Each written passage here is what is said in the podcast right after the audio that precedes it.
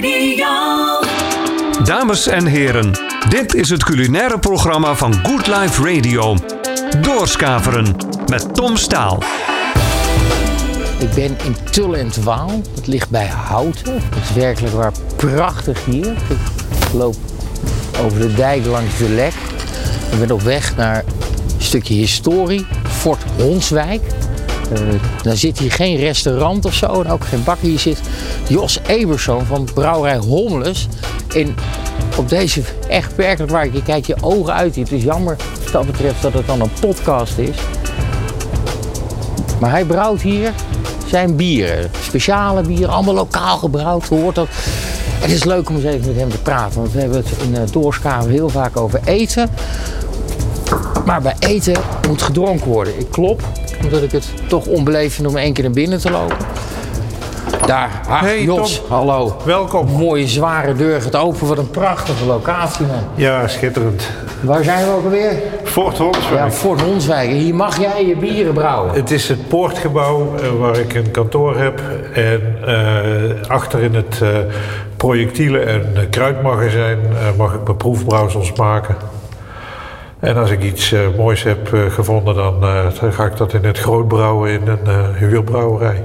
Klink, klinkt goed. En als ik, Ja. als ik even mag omschrijven voor de mensen die, want die kunnen het niet zien. Ik zie hier voor mij iemand van een, met een heel zachtaardig uiterlijk. Een guitig kopje, zeggen we in Utrecht. en als ik zeg dat je, eh, dat je aan je kan zien dat je bier brouwt, dan, eh, dan lieg ik niet, hè? Nee, dat lig je niet. Nee, nee, dan alles te zien. Eh, laten we even gaan zitten. Of Ik eh, in ga jouw even voor. kantoor, waar ik, een hele grappige lamp hangt. Een soort kroonluchter van flesjes bier uit je eigen... Uit mijn eigen collectie. de hopdonder, de kuitenbijter en daar is een lampje van gemaakt. Wat, wat leuk. Wat goed. Hé, hey, wij gaan eens over bier praten. Want Nou, daar heb leuk. jij heel veel verstand van en je kan het ook goed maken, toch? ik kan het redelijk maken, ja. Josse zit in jouw kantoortje in het prachtige Fort Honswijk. Daar mag je straks ook nog wat meer over vertellen. Hier brouw jij jouw bieren van brouwerij Hommeles. Dus met jou ook de eerste vraag eigenlijk wel heel makkelijk misschien. eh, of misschien wel niet. Maar wat is bier? Ja, wat, wat is bier? Eh, natuurlijk is het eh, eh, water, hop, gist en, en mout. En dan kun je me vragen, wat is, wat is mout en hoe, zit dat proces in elkaar? Je begint met een maisschema waarbij je mout verwarmt in het water. En dat doe je met, eh, met de intentie om eh, zetmeelgroepen om te zetten in suikers. Want die suikers heb je aan het eind van het proces in de vergisting nodig om alcohol te, te, te maken. Want gist zet eh, suikers om in alcohol en koolzuur. En daar is het eigenlijk allemaal om begonnen. En eh, de prettige bijkomstigheid is natuurlijk dat je met al die verschillende mouten die er tegenwoordig zijn, eh, ook allerlei verschillende smaken kunt, eh, kunt, kunt brouwen. Je hebt donkere mouten die wat bitterheid geven. Je hebt tarwemouten met een heel zacht karakter. Je hebt pilsmout die heel bleek is. Je hebt hele donkere mouten die nog koffie en chocoladebitterheid geven bijvoorbeeld. Oké. Ehm, verschillende mouten zorgen voor verschillend bier. Eh, dat, dat klinkt heel logisch. Het is van de laatste tijd, ik denk van de laatste tien jaar ongeveer, dat bier een soort vogelvlucht heeft genomen in en niet alleen populariteit, maar ook in verschillende soorten bier en wie dat brouwen. Ehm, heel simpel gezegd, vroeger had je aan de bar had je pils. Het speciaal bier op de tap was palm en, en Hoegaarde witbier. Ja. En als er nog ergens een trippeltje stond en je kreeg er een scheutje grenadine bij geserveerd, dan, zat je al, dan, dan had je eigenlijk al geluk. En tegenwoordig zijn de afgelopen jaren de microbrouwerijen, waar jij er ook een van bent, die dus op wat kleinere schaal brouwen, heel populair geworden. Ehm, wat, waarom ben jij een van die microbrouwers geworden? Waarom ben jij, heb jij op een gegeven moment besloten om bier te gaan brouwen en te gaan spelen met die verschillende moutsoorten, die verschillende hopsoorten? Om, eh, eh, terwijl er natuurlijk al heel veel bier gebrouwen wordt. Ja, ik, ik wilde in 2007 eigenlijk eindelijk wel eens weten hoe bier gebrouwen werd. Want je dronk het al wel? Ik dronk het al wel. Ik ben zoon van een caféhouder in Limburg. En ik kende ook al wat, wat Belgische bieren, want ja, de grens was dichtbij en we gingen regelmatig even een leffe bruin halen of, of daar zelfs de eerste mochtsubiet en Rochefort gedronken hebben. Uh, dus ik wilde weten hoe dat bier gemaakt werd. En ik ben op een brouwcursus gegaan bij de Amervallei. Dat is een wijn- en bierbrouwersgilde in Amersfoort. En daar zijn heel veel mensen uit de regio ooit begonnen met, met de cursus thuisbrouwen. En eigenlijk vind ik dat nog steeds de belangrijkste cursus die ik, die ik gedaan heb. Daar is de basis gelegd. Ja, daar, daar ga je niet heel erg diep in, in, in het scheikundige proces. Maar je gaat vooral kijken van wat, hoe, hoe, kan ik netjes leren werken. Want brouwen is vooral kuisen en, en zorgvuldig netjes werken zodat uh, niemand er ziek van wordt. Of, uh, ja, is dat zo'n gevoelig proces ook? Ja, kijk, zodra je met, met waters, in, in water opgeloste suikers werkt, heb je een ideale voedingsbodem voor bacteriën en, en schimmels. Ja.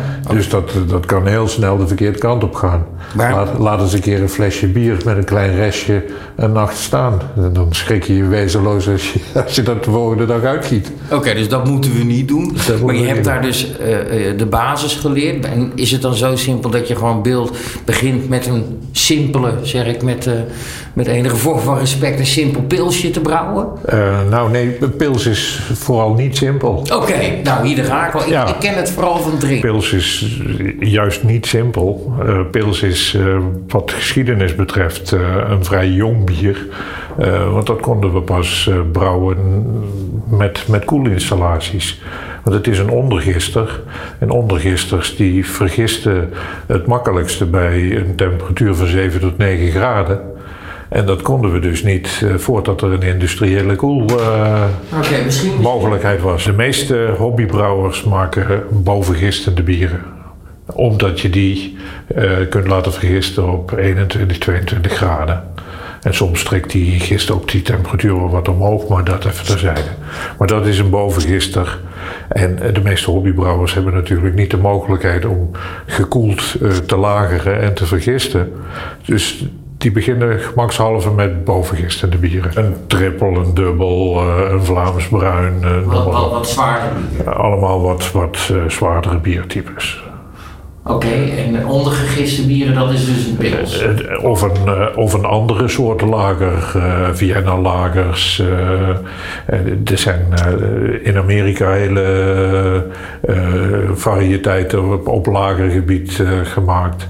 En daar is Brouwerij Noord in Rotterdam nou erg druk mee.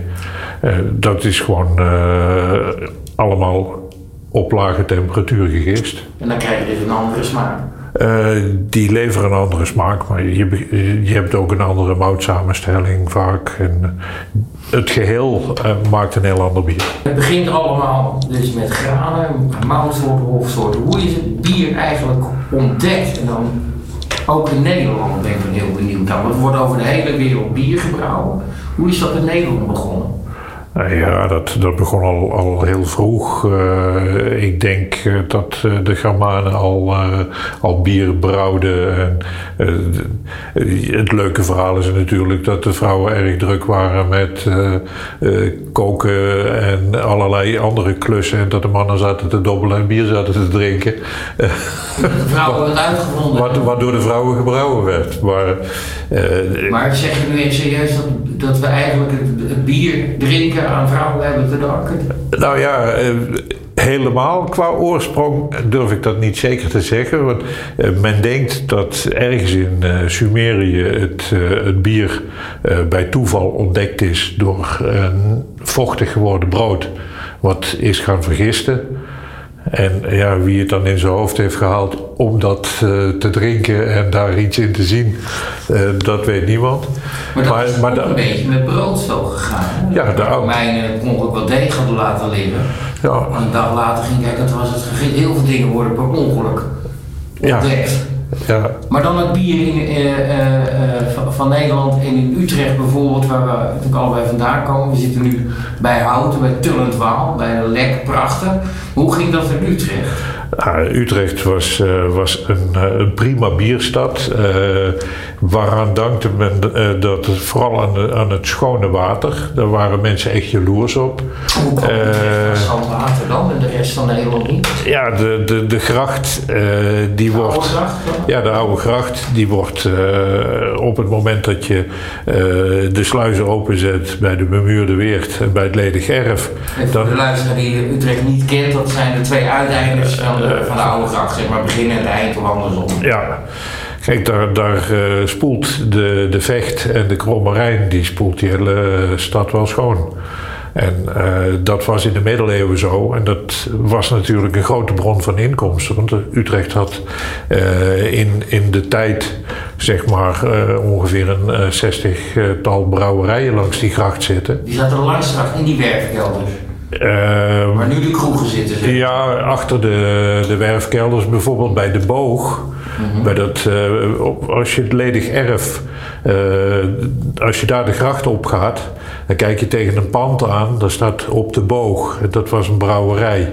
En eh, aan de gracht, aan de, ka- de kade, staat het oude brouwhuis. En dat wordt nu, dat wordt nu omgebouwd tot een woning. En daar stonden putakers en daar eh, putten ze dat grachtwater mee eh, naar boven. En dat werd eh, in die brouwerijen gebruikt als, als brouwwater. Leerlooiers en, en, en dat soort volk zat gewoon helemaal achteraan. Want dat waren. geen schoon water nodig. eh, Nee, en Nee. dat waren de vervuilers. Ja, ja, ja, ja. Ah, oké. En dan, als je erachter zat, dan had je natuurlijk minder kwaliteit water. Ja, precies. Ja, oké. De Utrechtse economie dreef op bier. Eh, of op, op De. Utrechtse economie dreef op bier. Ja, op bieraccijnzen. Eh, er werd zoveel... Was Utrecht zo'n grote speler in de geschiedenis op bier? Ja, best. Oh, wat, ja, nee, ik vind het leuk om te horen. Kijk, eh, Delft en Haarlem waren nog groter, maar Utrecht Ja? deed, deed heel erg leuk mee. En dat dankten ze vooral aan, de, aan het schone water. En oh, grappig. En, dus je had Amsterdam in Schiedam had je Jenever, eh, eh, Utrecht, eh, dus Delft blijkbaar bier. eh, wat grappig. Ja, en, eh, Amsterdammers gingen op de vecht eh, water eh, putten om in Amsterdam bier te kunnen brouwen. Ja, ja Die- dat is die- altijd een dingetje, Amsterdam en Utrecht. Hè? Dat, Ja. eh, dus die hebben gewoon bij ons, om ons... Dus feitelijk heeft zeg maar Amstel en Heineken hebben bij Ja. ons water gejat. 0, 020 jat water van 030. Oké, oké. Nou weet ik een beetje waar die rivaliteit vandaan komt. Daar was ik al jaren naar op zoek. Ehm, klopt het nou dat jij ook een keer bier hebt gebrouwen met water uit de gracht? Eh, ja, dat, dat wilden wij eh, wel een keer proberen. En eh, mijn brouwmaatje Kees Volkers, historicus, die had van het waterschap gehoord dat het grachtwater weer schoon was. En dat er in principe met dat water wel weer gebrouwen zou kunnen worden. Wanneer was dat? Eh, dat is een jaar of vijf geleden. Oké. En toen zijn wij met emmers eh, naar de Oude Gracht gegaan. En we hebben daar bij de, bij de bierkaai, dat brede stuk kade, eh, hebben we emmers vol ge- geschept met, met grachtwater. En dat hebben we, thuis hebben we daar twee keer een proefbrouwsel van gemaakt, van 40 liter. En daarna hebben we het bij een brouwdemonstratie eh, in de stad bij Oudaan, hebben we dat nog een keer gebrouwen. Even Oudaan is een eh, restaurant, een Een stads- stadskasteel met onderaan een, een brouwerij eh, Ja. aan de werf. Ja. Ja. En eh, tijdens een van de, van de Utrechtse uh, streekbierfestivals hebben we daar een brouwdemonstratie mee gehouden. En omdat we dat eh, bier niet mochten verkopen, want eh, dat vond de warekeuring niet zo... Nee, die vonden dat geen goed idee. Dus we hebben het... eh, Zelf aan- opgedronken. Nee, we hebben het aan mensen ter beschikking gesteld tegen eh, een donatie voor Stichting Casper. En eh, dat heeft toen nog een paar honderd euro opgeleverd. Oké, maar was het lekker? eh, het was gewoon bier. Dat merk je, maar merk je dan verschil in smaak? Dat het water uit de gracht is gekomen? Eh, nee, niet echt, gelukkig. Ja, dat weet ik niet. Ja, Nee, dat, eh, dat, dat uh, voegde eigenlijk qua smaak niets, uh, niets toe. Uh, dus dat viel tegen? We hadden natuurlijk gehoopt dat die mineralen van die studenten... Die ja, ja, ja, ja. Maar het was leuk om een keer te proberen. Ja. Maar ik neem aan dat jij met Brouwerij Hommelus ook bieren maakt... die niet alleen bedoeld zijn om te proeven of eens een keer wat uit te proberen... maar ook om te verkopen en die lekker zijn. Ja. Hoe, dat doe je nu om 15 jaar ongeveer? Uh, sinds 2012 brouwen we voor de markt. Uh, we zijn begonnen als Stichting Houtens Brouwcollectief. Dat was Jan Ausums, uh, Kees Volkers en ik. En, wat was het doel van die stichting? Eigenlijk wilden we de, uh, de biersituatie in de provincie Utrecht weer terugbrengen uh, naar voor de verpilsing, zoals wij dat dan noemden. Oké, dat mag je even uitleggen, want er is blijkbaar was er wat aan de hand met de bierconsumptie in de provincie Utrecht. Uh, nou, dat had met pils te maken. Nou ja, pils heeft toen het eenmaal uh, vanuit Duitsland uh, Nederland binnenkwam uh, en door grote industriëlen werd, werd opgepakt, toen men kon koelen en in grotere hoeveelheden lagere bieren kon brouwen, heeft eigenlijk de bovengistende biersoorten, waar Nederland tot dat moment redelijk sterk in was, verdrongen en uh, toen uh, begon de verpilsing, zoals wij dat dan noemen. Ja, ja, ja. De, de, de, oude, de, oude, biercultuur verdween en er kwam een, een, een monocultuur pils voor terug.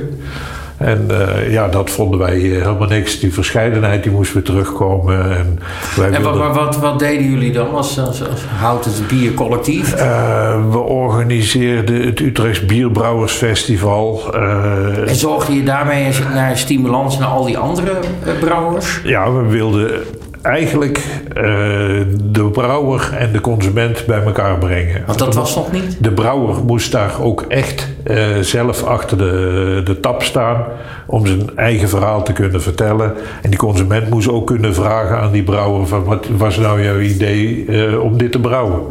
En toen de tijd, toen wij begonnen met het eerste festival in 2011 waren er zes uh, professionele brouwerijen in, uh, in Utrecht. En nu zijn er meer dan 60 brouwinitiatieven in, in, in Utrecht. En dat is mede omdat jullie. Nou, ja, nou ja, misschien hebben we een, een, klein steentje bijgedragen, ja, dat, maar dat telt mee. het was natuurlijk uh, macro gezien ook een golf die vanuit Amerika uh, naar Nederland ja, kwam. Goed dat je dat onderwerp aansnijdt. Laten we daar uh, wat dieper op ingaan. Want ja, wat ik, ik, ik, zei het net ook al. Vroeger hadden we uh, uh, een pils op de tap. We hadden een Hoegaarde wit en een palm. Nou, en dan was het wel zo'n beetje. Maar als je de afgelopen tien jaar... Je, je struikelt over de kleine brouwerijtjes. En de een maakt het nog gekker dan de ander. Ja. Um, hoe, hoe, hoe, scheidt het kaf van het, uh, van het hop op in dit geval zich? Nou ja, het, het, gaat natuurlijk om wie maakt er smakelijk bier. Uh, je kunt het nog zo gek verzinnen qua ingrediënten, maar het wordt niet altijd beter bier. Nee. Uh, en, uh, maar denk je ook wel eens als je dan de zoveelste IPA met mango smaak voorbij ziet komen van jongens begin misschien eerst eens gewoon met de basis een goede IPA te maken of zo. Dat, want ze gooien alles doorheen, heb ik wel eens het idee. Ja, kijk, en, en de, de hopbitterheid kun, kun je ook gebruiken om een andere smaak uh, aan de kant te duwen. Dus maar vind je dat we daar een beetje in doorslaan of zeg je? Nou, een, een goede IPA kan ik heel erg waarderen. Uh, en, en, een Engelse pale ale net zo. Uh, alleen soms uh, slaat het een beetje door. Dan heb je een, een, een triple dry hopped uh, IPA die zo stijf aan de bitterheid staat dat je na dat eerste bier sowieso niks meer proeft de hele avond. En dat is wel een tip, nooit met een IPA beginnen. Nou ja, je kan wel met een IPA beginnen, maar begin bijvoorbeeld met een mooie Nelve Joper of uh, een, gewoon een wat, uh, wat steady IPA die, die gewoon een, een mooi citrusaroma heeft, maar niet over de top gaat met allerlei uh, smaken. Maar goed, even terug naar al die brouwerijen. Je zei net al van, hè, vroeger hadden we tien brouwerijen, nu zijn het er 60 hier in de buurt. Ja. Um, eh, dus er zullen een heleboel jongens zijn die het heel goed kunnen. Er zullen ook een heleboel cowboys op de markt zijn. Uh, die, nou ja, je, je, ziet, je ziet een verscheidenheid van, van brouwers natuurlijk. Maar hoe is, maar, eerst, even, eerst even weten, hoe is het gekomen dat we ineens uh, met z'n allen bier zijn gaan brouwen? Zit heel Nederland in een midlife crisis en uh, wilde bier gaan brouwen? nee, bierbrouwen was, was, was hip en, was, steeds, was redelijk makkelijk om, om iets mee te, te starten. Je hebt, je hebt een keteltje en een, en een moutmolen nodig, een schootmolen. En, en je kunt al bijna aan de gang met een brandertje en een ketel. dus het, het is allemaal vrij simpel om op te starten. En als je dan familieleden en vrienden hebt die uh, jou constant uh, vertellen dat je toch wel een lekker biertje hebt gemaakt, dan is natuurlijk de uitdaging groot om daar iets professioneels mee of semi-professioneel mee te doen. Want er zijn natuurlijk ook heel veel mensen die beginnen naast hun werk. En die zitten nu ook op die, op die pilsmarkt of op die biermarkt. En dat is ook niet altijd even makkelijk natuurlijk, want die mensen hoeven er niet van te leven. En uh, het, het, enige wat ze willen is een, een plekje op het podium houden.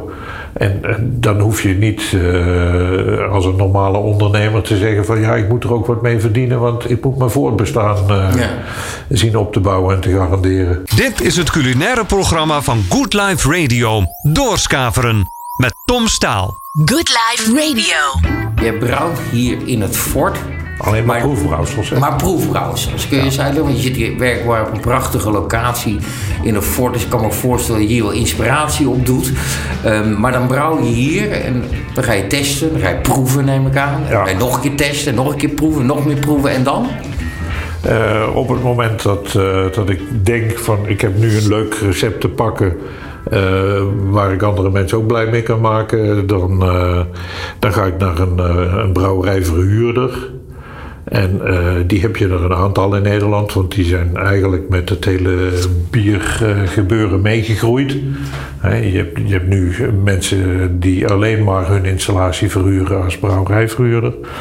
bijvoorbeeld de Loonbrouwerij Koten is er een hier vlakbij. En, uh... en, dan breng je jouw spullen en dan zeg je nou ik wil dit, dit graan, deze spullen zo lang uh, met dit erin. Is het zo simpel? Je geeft gewoon een recept en... Nee, oh. nee. Uh, voor mij is het niet zo simpel. Ik wil, ik wil zelf mijn, mijn kindje... Je gaat zelf brouwen dan? die wil, dat wil ik zelf brouwen.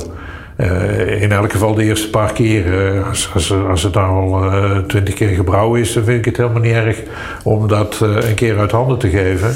Want dan staat dat recept helemaal, maar de eerste keren wil ik het sowieso zelf brouwen. Oké. En dan ga ik die dag ga ik naar de brouwerij toe.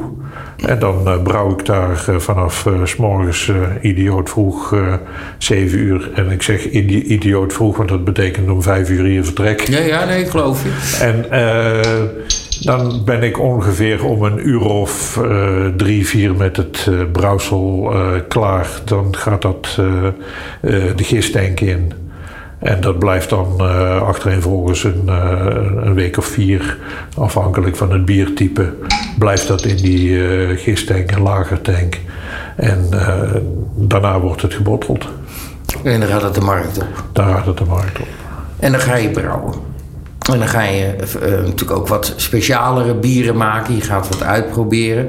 Uh, hoe voorkom jij dan dat je niet um, verzand in wat, hè, laten we ze maar even de cowboys noemen, die, die hem vooral heel gek willen doen met gekke etiketten en uh, mango erheen doen. En, hoe, hoe zorg jij dat jij bij je een beetje ben je leesblij, zeg maar. Dat je nou ja, kijk, ik, ik, ik wil het niet uh, negatief uh, maken en, en ze allemaal cowboys noemen. Want nee, uh, iedereen lang niet iedereen, maar... Iedereen die iets wil proberen, heeft natuurlijk gewoon een legitieme... ja, maar je denkt toch ook af en toe als je in de kroeg zit...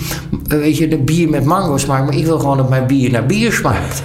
ja. ja, maar denk je dat... Je hebt, heb je dat nog... En ik wil het ook niet negatief maken... maar dan, zit, dan ga je ergens eten... dan krijg je de moeilijkste gerechten voor je neus... waar je denkt, joh, eerst eens een biefstuk bakken. Dat gevoel heb ik wel eens bij bier de laatste paar jaar. Ja. Nou ja, het begint wel bij de basis. In de basis is bier gemaakt voorbij. Maar kun je net als met kroketten bijvoorbeeld, je kan alles in een kroket stoppen. Kun je in bier ook alles stoppen? Het komt wel als je de smaken toevoegt. Ik heb gewoon één basisbier. Of werkt het zo niet? Ja, je kunt in principe heel veel toevoegen natuurlijk. Ja. Of het er beter van wordt is een tweede, maar je kunt in principe heel veel toevoegen. Maar als je wel een beetje bij die basis wil blijven, wa- wat voor bieren maak jij dan die daar wel dichtbij zitten? Ja, wij, wij zijn natuurlijk, als je ons in het brouwerijlandschap eh, vergelijkt met, met andere brouwerijen, zijn wij vaak wat, wat degelijke eh, brouwers. Wat minder avontuurlijk, eh, lijken een beetje voorzichtig of, of, of conservatief of traditioneel, hoe je het noemen, eh, noemen wil. Maar dat komt ook omdat ik gewoon eh, de focus meer leg op ingrediënten uit, eh, uit de buurt. Ja? Ik, ik ga geen eh, cactusvijgen importeren om daar een bier mee te brouwen. Nee. We hebben hier appels, peren, fruit genoeg om, om iets leuks mee te doen. Maar er zijn ook andere lokale mensen. Bijvoorbeeld, ik pak bij Noordkap koffie die zij in Utrecht branden. Eh, ik gebruik voor een dubbel gebruik ik appel- en perenstroop. eh, van eh, een groep ondernemers die in Schonerewoerd een hoogstam eh bongert in, eh, in stand houden. Dat vind ik leuk. En dan blijf je toch een heel klein beetje in de, in de regio. En je blijft een heel klein beetje bij de dubbels, trippels. eh, IPA's maken we ook. Maar dan met, eh, met hop uit eh Oudijk bijvoorbeeld. één keer per jaar een vers hopbier.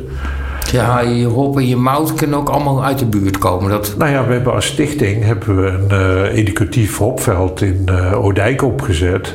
jullie hebben een eigen hopveld. Ja, Dus jouw bier, Ja, brouw je van je eigen hop? Is het? Eh, nee, dat is maar heel beperkt. Want eh, zo, zo groot is het hopveld niet. Er staan eh, 120 eh hopplanten. Wat doe je daar dan mee? Eh daar gebruiken we één keer per jaar eh, gebruiken we die hop om een vers hop eh, eh, bier mee te brouwen. Dat is een, een Engelse traditie, green hops. Wacht even, wat is dat voor traditie? Vers, verse hop, als de hop geoogst wordt, dan wordt er gelijk Ja, er bier wordt er gemaakt. één keer eh, wordt er verse hop eh, gebruikt om het bier te brouwen. De rest van de hop wordt gedroogd. Eh, er worden pellets van ge- eh, geperst of het wordt hopolie tegenwoordig. Eh, je kan alle kanten op. Maar in Kent bijvoorbeeld, wat, wat een, een hopproductie vanuit de historie al, al heeft... wordt er dan één keer per jaar dat vers hop Green Hops Festival gedaan. En dat, eh, dat soort wij. vers bier. Het is sowieso vers bier, Ja, maar, maar- de hop is ook vers. Grap. En dat is anders dan als je gedroogde hop gebruikt. Ja, In Utrecht heb je.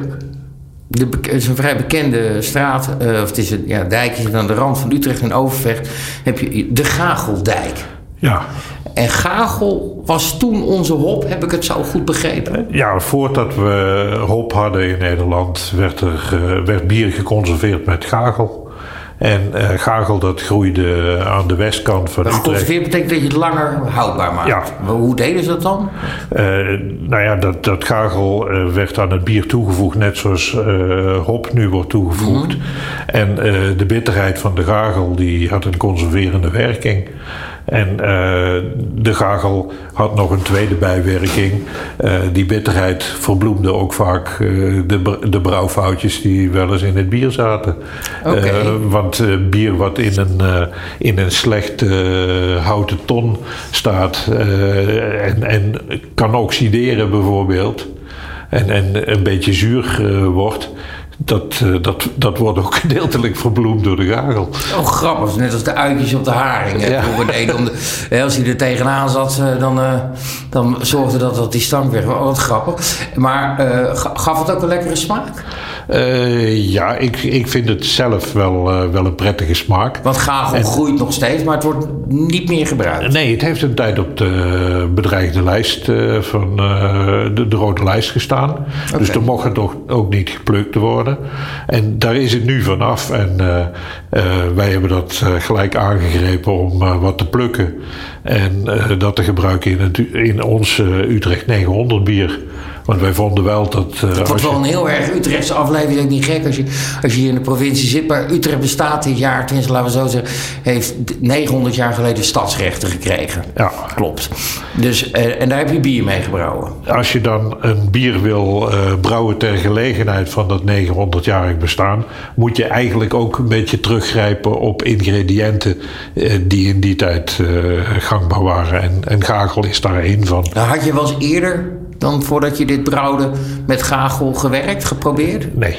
En hoe was het resultaat? Maakte het het lekkerder of anders? Of? Nou, we hebben eerst hebben we gewoon eh, een aantal eh, bieren eh, hier op tafel neergezet, glaasjes van ingeschonken en daar gagel in gedoopt. Gewoon om te weten wat, wat doet die gagel in dat bier. En dat hebben we geproefd na vijf minuten, eh, na een half uur, na een uur. En dan merkte je toch dat die bitterheid steeds eh, royaler werd. Want ja, als je nog nooit met gagel hebt gebrouwen, hoe moet je dan gaan doseren? Want, Dus je gaat een beetje testen van wat zou het effect kunnen zijn als ik het langer laat staan en laat vergisten of zo. Dan Ja. ja, ja. En dat was je aan het testen op die manier. Ja. Dus we hebben hier een hele tafel vol met, eh, met glazen en diverse stadia gagel toegevoegd. Om, gewoon om te kijken van. Je kan er ook een thee van maken om te kijken van hoe. Maar zou ik eerder met bier testen. Ja. Ja. Ja, ja dan wordt het uiteindelijk. We zijn niet, geen thee aan het zetten natuurlijk. Nee. En toen heb je gebrouwen. toen hebben we gebrouwen en toen hebben En was we die de eerste geproefd. keer goed. Eh, ja. En vonden mensen het ook lekker? Ja, we hebben daar wel eh, complimenten op gehad. En eh, ja, natuurlijk heeft ook niet iedereen een, eh, een smaakreferentie. Dus mensen die van, van zoete bieren houden, die, die vinden het misschien te bitter. Maar over het algemeen hebben we goede recensies gehad. Eh, jouw bieren inspireert mensen ook om daarmee aan de slag te gaan. Dus zo is er een, een kaas uit waar jouw bier ook in zit. Je, eh, je hebt een bokbier gemaakt, bokbruik. Ja, Be- beschrijf dat bier eens als je wil. Eh, dat bier eh, is gemaakt met 15% rookmout. Naast de, de gewone eh, mouten eh, die erin zit. En die rooksmaak die eh, hebben we gekoppeld aan eh, een ander ingrediënt, honing. Om op die manier een beetje een spel te krijgen van, van aroma's. Eh, de honing die proef je nog achter in de, in de keel. Eh, en, en dat rokerige van rookmout, eh, waar we in Nederland trouwens nog e- echt aan moeten wennen.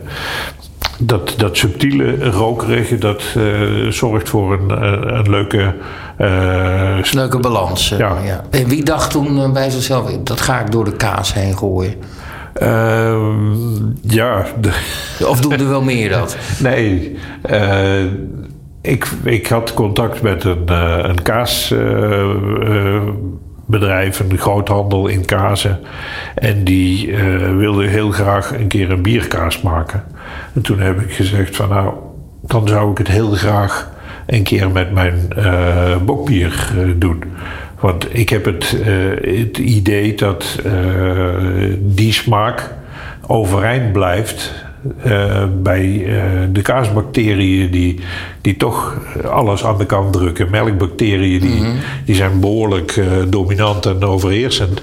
Dus ik wilde daar een bier voor gebruiken wat niet te makkelijk aan de kant gedrukt werd.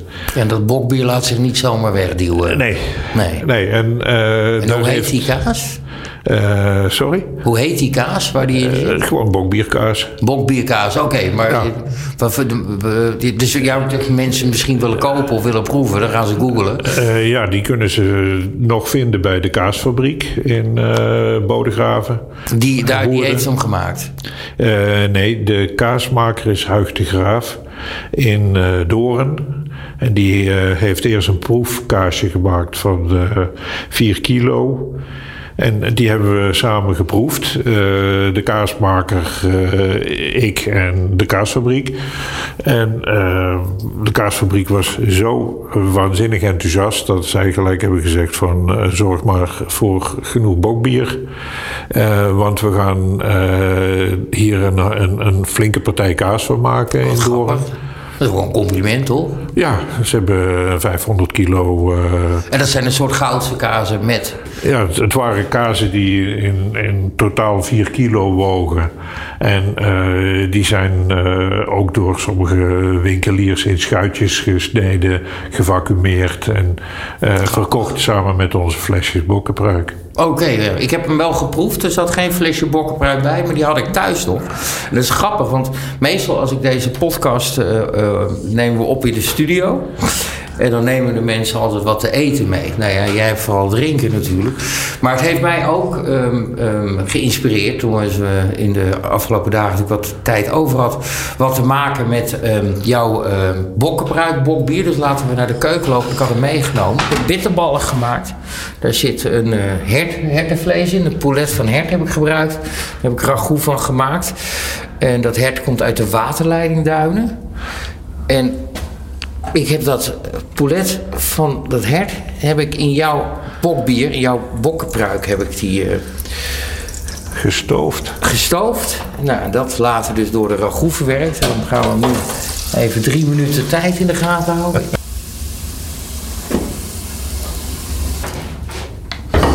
Ik denk dat ze nog gloeiend heet zijn, maar laten we.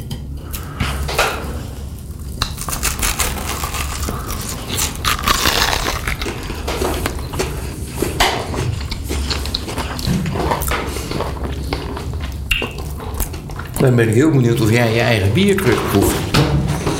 Ik wel namelijk. Als ik heel eerlijk ben, proef ik het niet terug. Nee, dan ben je echt de enige. Ik proef wel dat er bier in zit, Maar niet dat het jouw bokkenpruik is. maar dat, niet dat het mijn bokkenpruik is. Hm. Ik proef, wel, ik proef hem wel, maar dat komt misschien omdat ik echt erbij gestaan heb toen ik het erin gooide. Maar Ja. Maar proeven andere mensen ook dat daar een bokbier voor Nou, gebruikt ja. is? Of? eigenlijk wel. Kijk, want daar- daar had, als ik het zo proef, in Zeker alle eerlijkheid had er ook een dubbel in kunnen zitten. Ja, ik proef hem. ehm, laat ik zo zeggen, ja.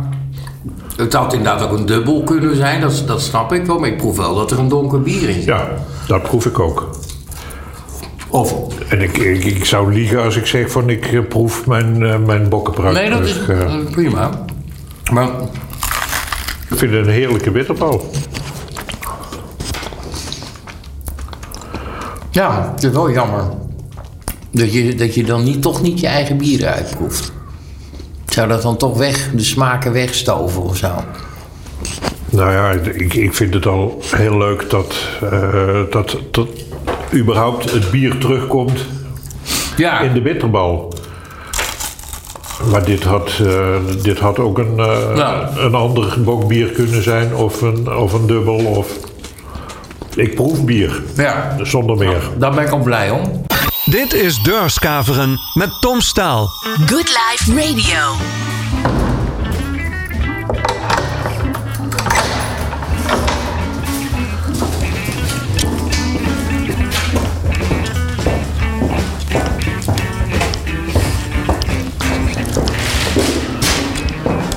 Gagelbier, dat zit in, eh, het is gebotteld als een soort champagne, met zo'n champagne kurk die kost wat moeite om Deze het open te maken.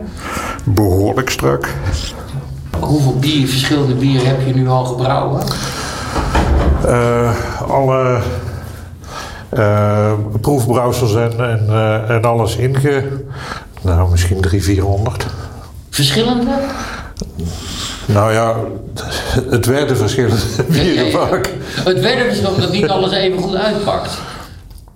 Nee, niet elk schot is een haas. eh, als je begint met brouwen, dat, eh, dat wil natuurlijk ook wel eens Ja, want een kant op gaan die je zelf niet in gedachten had. Stel nou dat mensen zeggen, joh, ik denk, nou, ik wil dat ook wel eens een beetje uitproberen thuis. Wat kun je ze aanraden? Eh, Voordat ze gelijk eh, honderden, duizenden euro's uitgeven aan apparatuur.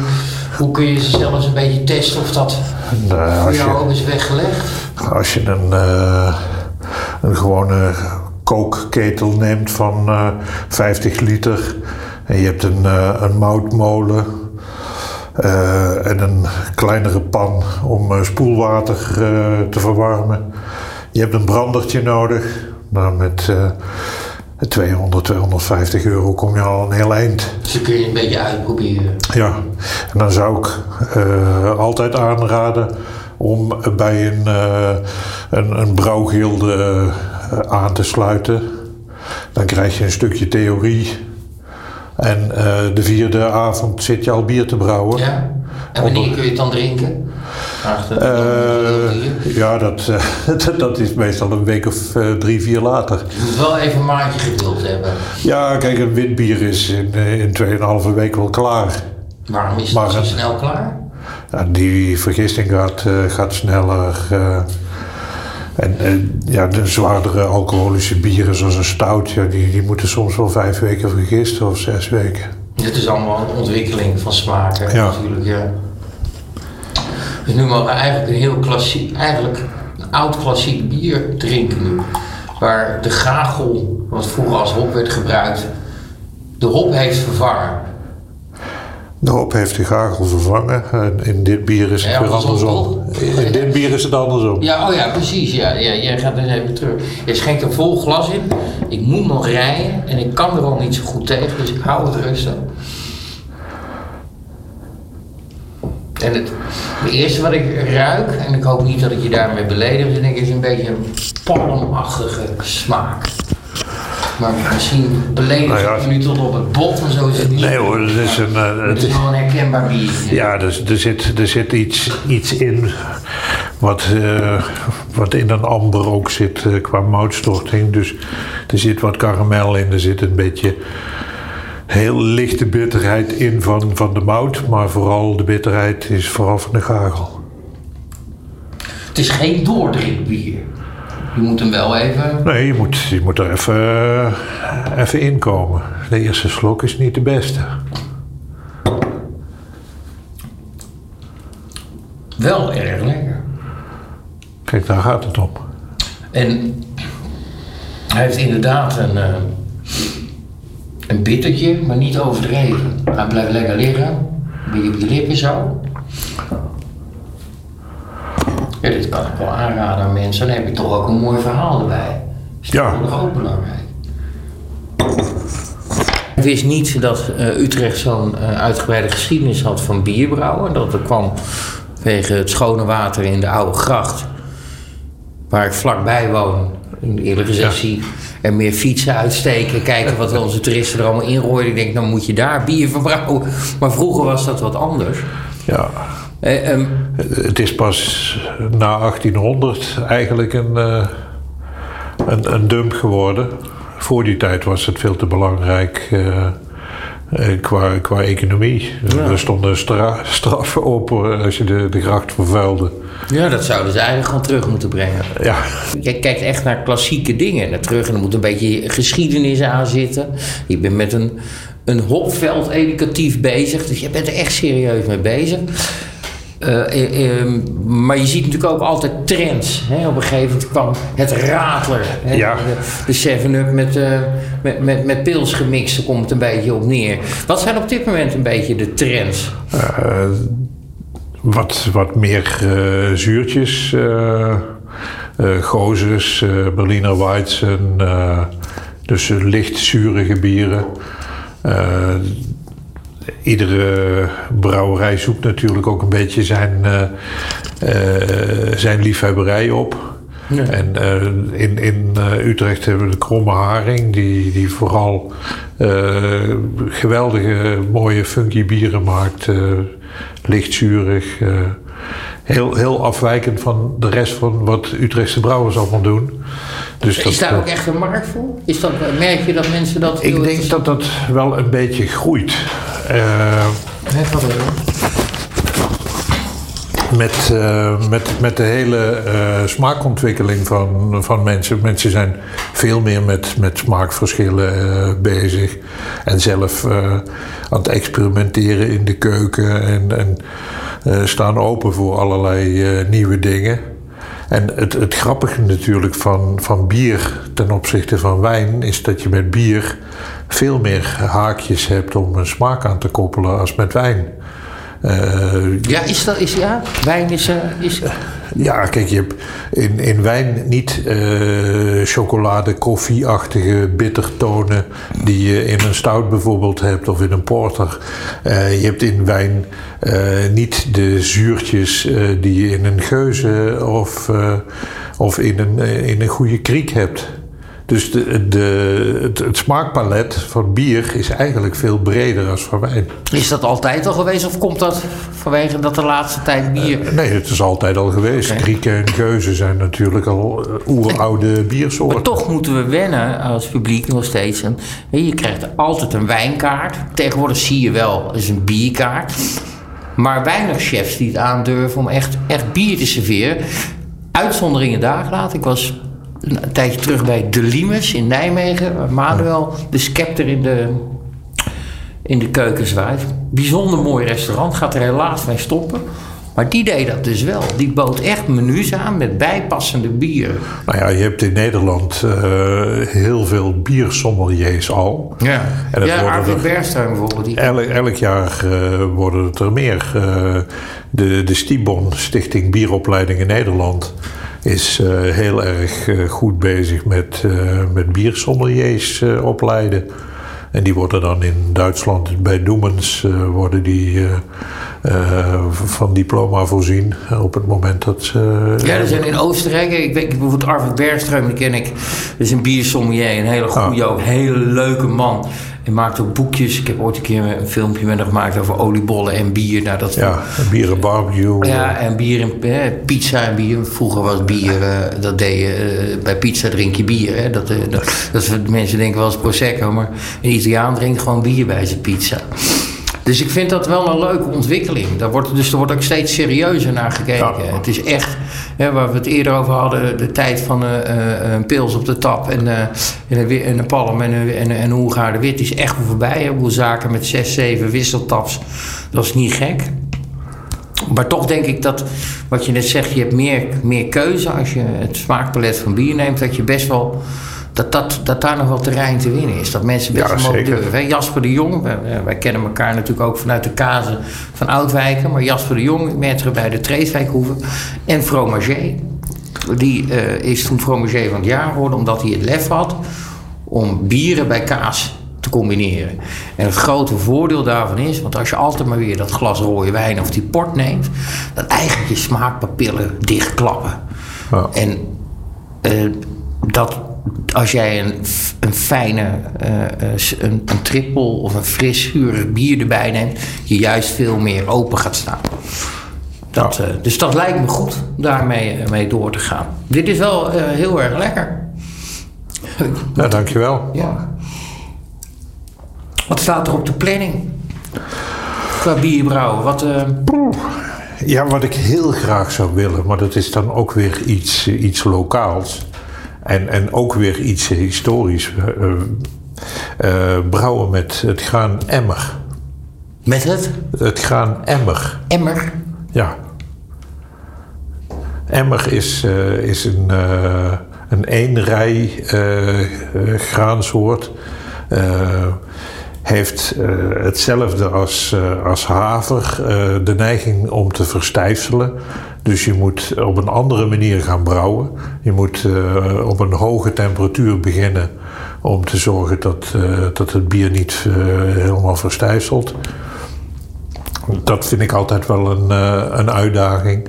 En ik vind het leuk dat eh, in onze eigen regio eh, steeds meer van dat soort eh, oude eh, rassen eh, terug worden ge- gekweekt.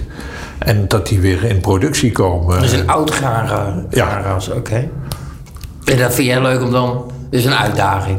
Ja, dat vind ik wel een uitdaging. Dat, eh, Oké, interessant. En wanneer En, en, dat ik, doen? en ik vind het leuk om eh, de lokale economie eh, mee te helpen stimuleren. Als, Dat lokaal produceren, dat vind je echt belangrijk. ja, als ik ingrediënten uit de streek kan halen, dan uh, als het mijn buren goed gaat, gaat het mij ook goed. Ja. We, we, merken nu wel hoe afhankelijk we zijn van allerlei derde garnituurlanden die, die ons nou het mes op de keel zetten. Ja. En waar, waar we geen olie en gas meer van krijgen. En, en noem maar op. Dus eh, iets wat uit je eigen regio komt eh, en waar eh, we met z'n allen iets aan kunnen verdienen en elkaar iets, iets moois kunnen toespelen, dat, dat heeft mijn, mijn, mijn voorkeur. Ja. En als het ook nog mooie bieren geeft, Precies, kunnen we daarop proosten. ja, Dankjewel. is altijd. Dit is het culinaire programma van Good Life Radio. Doorskaveren met Tom Staal. Good Life Radio.